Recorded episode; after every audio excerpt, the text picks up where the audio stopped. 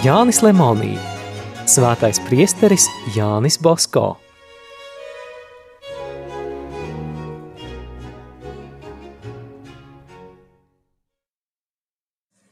Tūkstoš 844. gadā priesteris Gvala palika guļam uz gultas, un visas akadēmijas darīšanas nodeva priestera Kafaso pārziņā.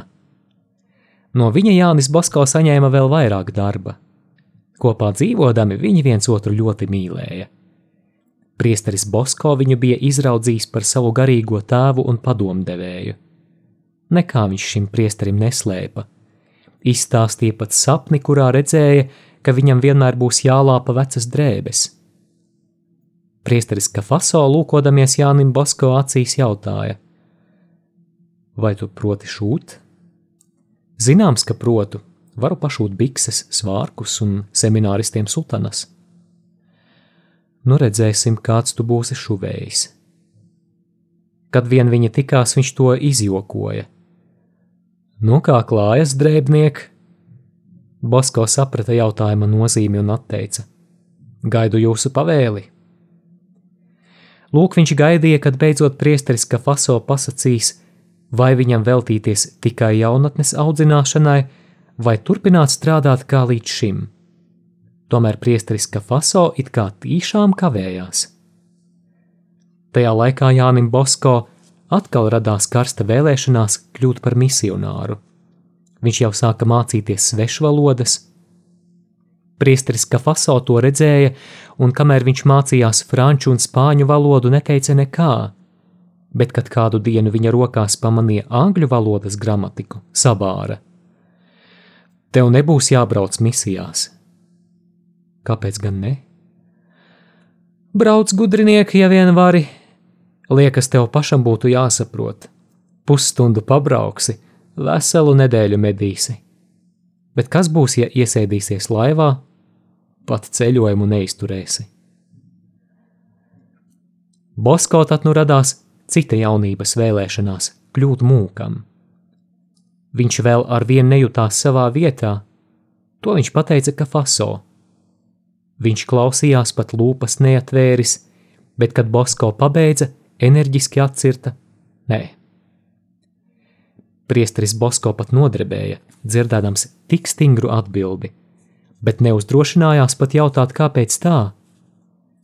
Vēl karstāk viņš tagad sāka lūgt jaunavu Mariju, lai viņam beidzot norādītu viņa īsto apustulāta vietu.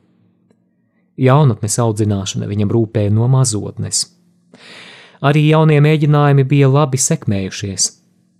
Tomēr priesteris Bosko savam prātam neusticējās un baidījās, ka par daudz lielas slāpes var būt tikai mānīgu iedomu rezultāts. Trešo mācību gadu beidzot priesterim Bosko bija jāatstāj akadēmija un jāuzsāk pastāvīgs darbs. Daži prāvesti lūdza viņu pie sevis par vikāru, bet īsto priestera Bosko aicinājumu savās rokās turēja pats Dievs. Bosko uzzināja par cincāno prāvesta plāniem. Priestera Gvalas mudināts, viņš aizgāja pie arhibīskapa un atteicās no vikāra vietas. No tā var saprast, ka vecais Svētā Franciska akadēmijas rektors labi saprata Bosko aicinājumu. Pēc dažām dienām Lanco vajadzēja notikt rekolekcijām. Priesteris Kafaso atkal uz turieni aizsūtīja Jāni Bosko, lai viņš palūdzas un pārdomā savu aicinājumu. Kad viņš no turienes atgriezās, devās atkal pie Kafaso jautāt, ko viņam darīt, bet tas vienmēr klusēja. Ja neuzzināšu ar labu, tad dabūšu zināt ar viltu, izdomāja Bosko un pēc dažām dienām atkal grabinājās pie priestera kafaso durvīm. Iegājis viņš pateica, ka jau visas lietas sakravājas un braukšot uz klosteri. Gribo tikai atsveicināties. Skats, skats, cik karsts, smaidīja priesteris kafaso kas tad tev aizbraucot rūpēsies par zēniem, vai tos vest pa pestīšanas ceļu tev neliekas labs darbs? Tā tas ir. Bet, ja mani Dievs aicina uz klosteri šiem bērniem, viņš sūtīs citu. Priesteris Kafaso mierīgi palūkojās viņam acīs un tēvišķi teica: Zini, ko, priesteri Bosko? Pat nedomā par klosteri. Labāk ej, izkravā savas kastes, ja tu tiešām jau lietas saliki tur un strādā kā strādājis ar saviem zēniem. Tev jāzina, ka tāda ir dieva griba. Tādus vārdus dzirdēdams Bosko pasmaidīja un nolieca galvu. Viņš dzirdēja to, ko jau sen tik karsti vēlējās. Priesteris Kafaso parūpējās par piemērotu vietu, kur strādādams zēnu priesteris varētu mierīgi izpildīt savu aicinājumu. Valdoko priekšpilsētā kāda turīga kundze, Marķīze Barolo, bija nesen nodibinājusi Svētās Filomenas patversmi.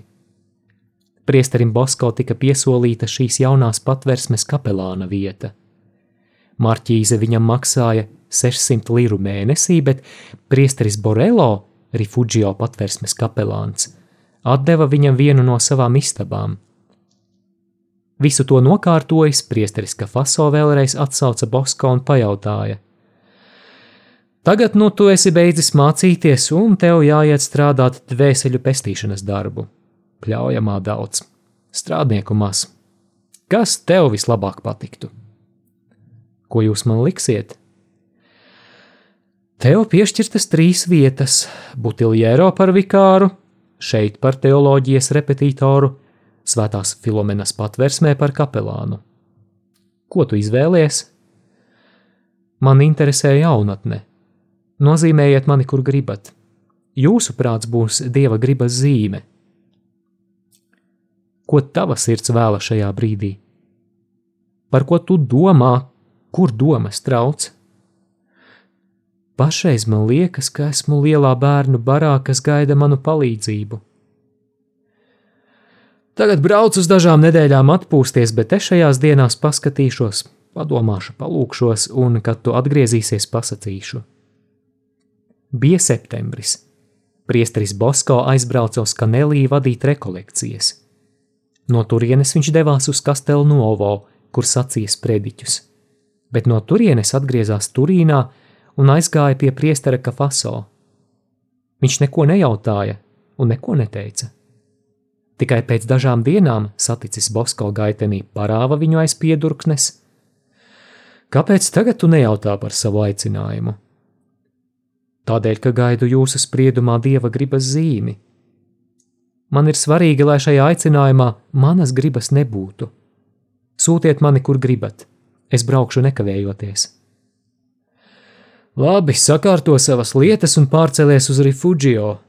Tur tu būsi svētās Filomenas patversmes kapelāns un varēsi palīdzēt priesterim Borelo.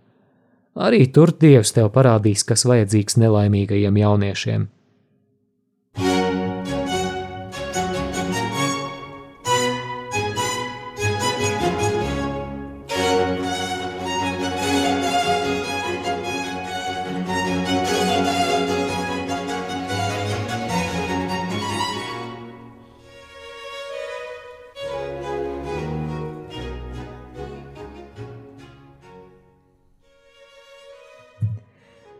Svētās Filomenas patversme bija uzcelta atstātu slimu meiteņu apgādībai. Līdzās šai patversmei bija vēl dažas citas labdarības iestādes, ko arī bija dibinājusi un vadījusi tā pati Marķīze Barolo. Savus svētdienas oratorijas bērnus, neatradis citas labākas vietas, Bosko aicināja savā istabā. Pirms pārcelšanās uz jauno vietu viņš redzēja sapni – Tas paskaidro pirmo sapni, ko viņš redzēja 9. mūža gadā. Lūk, kā to atstāsta pats priesteris Bosko.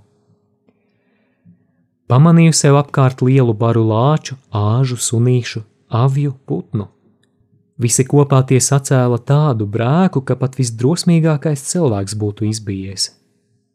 Es gribēju bēgt, bet kāda sieviete, gan es drēbēs tērpusies, pamāja man ar roku un lika iet aiz šī lielā ganāmpulka. Viņa gāja pirmā. Ilgi tā gājām pa dažādām vietām. Šur tur apstājāmies atpūsties. Šie zvēriņi pārvērtās jēros. Beidzot sasniedzām tādu lauku, kur visi dzīvnieki sāka mierīgi ēst zāli. Es jutos ļoti noguris un gribēju atsēsties grāvmalā, bet Gane man lika iet tālāk. Gabalu pagājuši, atradāmies lielā pagalmā. Tajā veda plati vārti, bet vienā galā liela baznīca. Gandrīz visi plēsīgie zvēri tur pārvērtās jēros. No kaut kurienes ieradās vēl citi gani, kas mums palīdzēja šo lielo ganāmpulku ganīt. Vēlāk tie izšķīrās, kaut kur aizgāja un atgriezās, dzīdami sev pa priekšu vēl neparastāku dzīvnieku barus. Atkal gribēju griezties atpakaļ, jo man likās, ka jau laiks celebrēt misi, bet gane man lika paskatīties uz dienvidiem. Pagriezies, es ieraudzīju plašu lauku, kurā bija sasēta kukurūza, sastādīti kartupeļi, kāposti, cukurbietes un citi dārzeņi. Paskaties vēlreiz, lika ganīte. Palūkojos un ieraudzīju lielu skaistu baznīcu. Koris, orķestris un dziesmas mani tur aicināja celebrēt svēto misi. Baznīcas vidū ieraudzīju baltu platu jostu, uz kuras bija uzraksts: Higdomus mēja, inde gloria mēja. Šis ir mans nams, no kura izies mana slava. Izbrīnīts gribēju ganēji jautāt, kur esmu un ko šis ceļojums nozīmē. Kas ir šie nami? Baznīca, vēlāk vēl citas lielākas baznīcas. Tu sapratīsi, viņa atteica, kad miesīgām acīm skatīsi to, ko tagad redzi dvēseles acīm. Man likās, ka es esmu uzmodies un saku, es redzu miesīgām acīm un zinu, kur eju un ko daru. Tai brīdī zvanīja svētā Franciska baznīcas zvani, un es pamodos. Šis sapnis ilga visu nakti. Daudz sīkumu es jums neatstāstu. Toreiz es pats maz sapratu, ko tas varētu nozīmēt. Dziļāk to sāku saprast tikai tad, kad šis sapnis sāka piepildīties.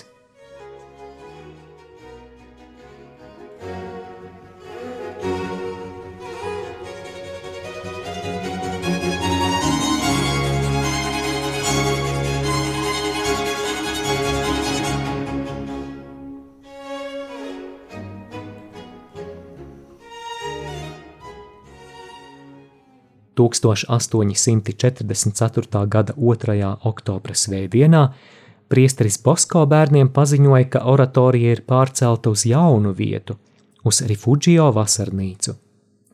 Nākamajā svētdienā liels pulks dažāda vecuma bērnu skraidīja pa Valdoko priekšpilsētu un jautāja, kur ir Rifugio un priesteris Bosko. Viņš izgāja no savas istabas. Bērni jautāja, kur ir jaunās oratorijas telpas. Priesteris Bosko paskaidroja, ka patiesībā vēl tādu nēsot. Pagaidām jāizlieto viņa nelielā istabiņa. Visi steidzās ienākt. Katrs gribēja pirmais ieskriet jaunajā oratorijā. Sagājuši viņi sasēdās, citi uz gultas, citi uz krēsliem, viens pat uz galdiņa. Šoreiz visi bija apmierināti.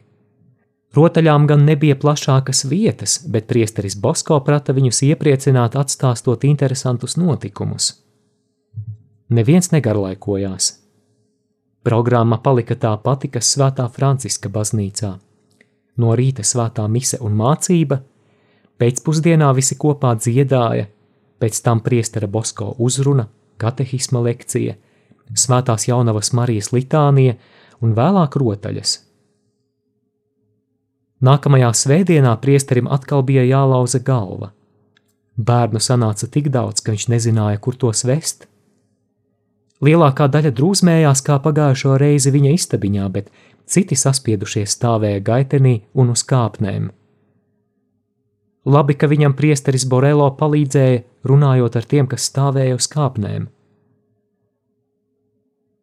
Tā bērni grūstījās sešas svētdienas, Tad atnāca visu svēto dienas rīts. Bērni atnāca gandrīz divi tik daudz, un visi gribēja grēkus sūdzēt. Priesteris Bosko redzēja, ka turpmāk bez lielākas telpas nav iespējams strādāt. Bet kur to atrast? Kas to dos? Viņš aizgāja pie arhibīskapa Fransonī, pastāstīja, ko jau bija bērnu labā darījis, un cik vēl varētu padarīt, ja vien būtu kur bērniem pulcēties. Arhibīskaps atkal slavēja Jāņa Bosko darbu un apsolīja rakstīt marķīzei Barolo, lai tā parūpējas par telpu viņam un bērniem. Marķīzes tad nebija mājās, bet priesteris Bosko tomēr saņēma atļauju uz laiku pārvērst divas jaunās patversmes istabas par kapelu. Nabadzīga bija šī pirmā svētdienas oratorija. Daudz nedomādams arhibīskaps Fransonī ar 6. decembri šeit atļāva svinēt svēto misi, dot svētību ar vissvēto sakramentu un sacīt sprediķus. Visa baznīcas manta bija vienkāršs koka altāris, daži svečturi viena kapa, dažādas krāsas ornāti, veca violeta stola un dažas noplīsušas sutanas kalpotājiem svētajā misē. Marķīze uzdāvināja greznu paklāju un vairākas komžas. Kapela tika iesvētīta visvētākās jaunavas Marijas bezvainīgās ieņemšanas svētkos. Dievmātes patvērumā priesteris Bosko novēlēja sevi, savus darbus un bērnus. Jaunā oratorija tika nosaukta Svētā Franciska no Sales vārdā. Priesteris Bosko pirmais tur celebrēja svēto misi un dalīja bērniem komuniju. Šajā laikā svētdienas oratorijai jau bija trīs gadi.